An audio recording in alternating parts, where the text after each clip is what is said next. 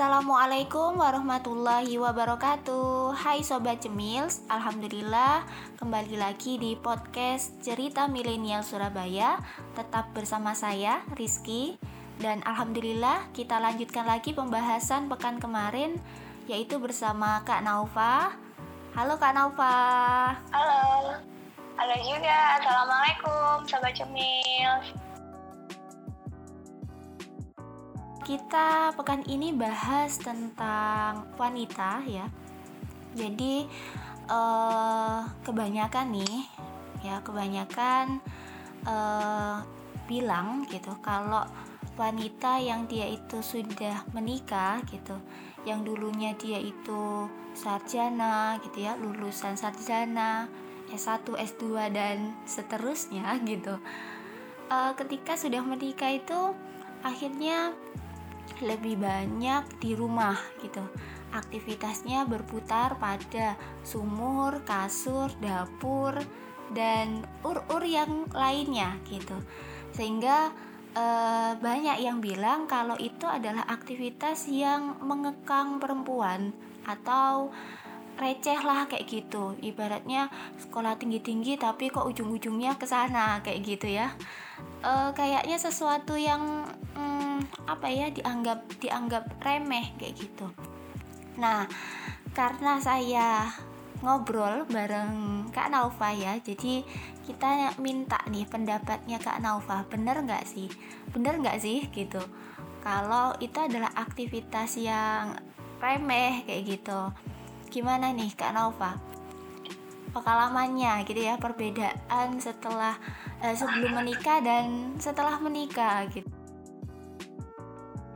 jadi ketika perempuan dan laki-laki ini sudah menikah tentunya dia kan punya tanggung jawab yang lebih tinggi mm-hmm. dan mereka itu punya hak dan kewajiban yang berbeda kalau perempuan dia itu punya kewajiban sebagai pengatur rumah tangga dan sebagai pendidik bersama bagi anak-anaknya. Nah, mm -hmm. kalau laki-laki itu punya kewajiban mencari nafkah untuk keluarga. Nah, mm -hmm. ini kan jelas berbeda. Mm -hmm. Sedangkan kalau yang kemarin kita bahas itu kan uh, bekerja itu suatu hal yang mubah, hmm. jadi hukumnya boleh gitu kan bagi perempuan asal hmm. kewajiban utama dia itu tidak terabaikan gitu. Hmm.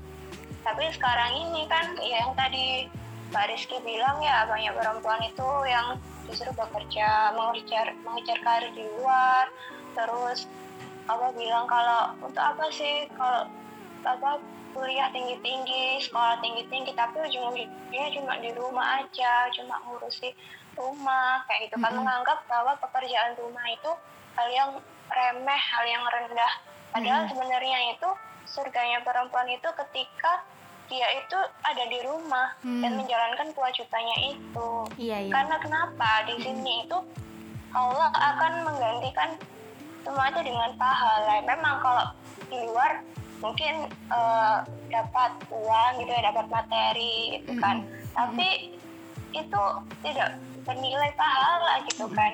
Tapi kalau dibandingkan dengan pahala nggak ada nggak ada bandingannya gitu kan ya pahala dengan uang iya, gitu. nggak bisa digantikan. Karena pahala. Uh, uh, karena pahala itu nanti apa? Yang akan mengantarkan kita ke surga gitu loh. Sedangkan materi kan enggak gitu kan. jadi kalau dianggap remeh ya jelas itu salah gitu kan.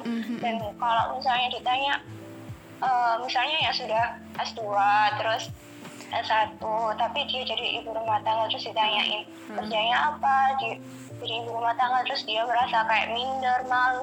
Ya jangan seperti itu justru harus bangga gitu loh. Harus karena ini loh ketika kita uh, kuliah misalnya ya.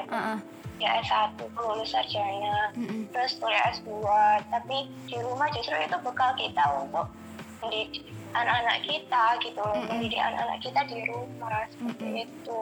Mm -mm. Karena uh, gak ada lah ilmu itu yang sia-sia pasti ada uh, kegunaannya gitu, ada manfaatnya gitu loh, mm -mm. gitu kan. Mm -mm. Jadi jangan eman gitu loh, jangan eman ketika sudah sudah tinggi-tinggi sudah kan uang untuk kuliah tapi ujung-ujungnya di rumah seperti itu karena itu tadi kan kalau ilmu itu akan bernilai pahala itu tadi ketika nanti dididikan ke anak-anaknya mm-hmm. itu pastilah ada manfaatnya gitu kan mm-hmm. dan ketika di rumah itu juga uh,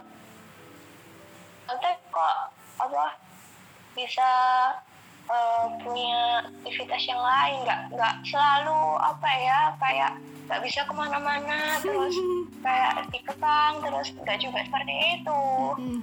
Jadi jangan menganggap apa ya jangan menganggap hal seperti itu hal yang receh gitu ya justru itu hal yang mulia ketika ketika perempuan itu ada di rumah.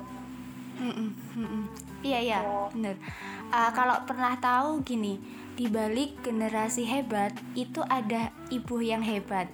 Bener nggak jadi kalau pernah tahu nah, pernah dengar uh, ini Imam Syafi'i pasti tahu semua ya. Sobat Cemil pasti pasti sudah tahu uh, Imam Syafi'i.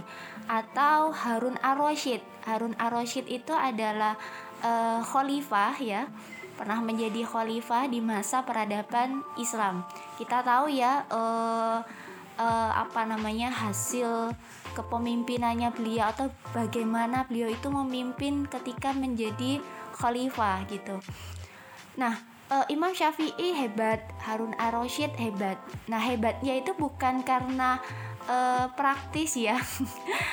uh, tiba-tiba itu jadi hebat gitu kan enggak tetapi dibalik itu semua itu ternyata ada peran ada perannya seorang ibu yang luar biasa gitu jadi mungkin kalau ada pertanyaan buat apa sekolah tinggi-tinggi, nah sekolah tinggi-tinggi ilmu ilmu yang didapatkan oleh uh, para ibu gitu ya atau kita muslimah yang hari ini mungkin belum menikah gitu ya. Untuk apa sekolah tinggi-tinggi? Ya untuk mendidik anak-anak kita gitu kan ya. Karena mendidik itu kan butuh ilmu. Jadi pendidikan tinggi itu bukan hanya untuk mencari materi saja ya ilmu itu seharusnya didedikasikan untuk mencetak generasi yang unggul. Makanya dulu masa kejayaan Islam yaitu ketika ada khilafah, nah negara itu mempersiapkan para muslimahnya itu untuk menjadi ibu yang cerdas melalui sistem pendidikan yang berbasis akidah Islam, bervisi dunia dan juga akhirat.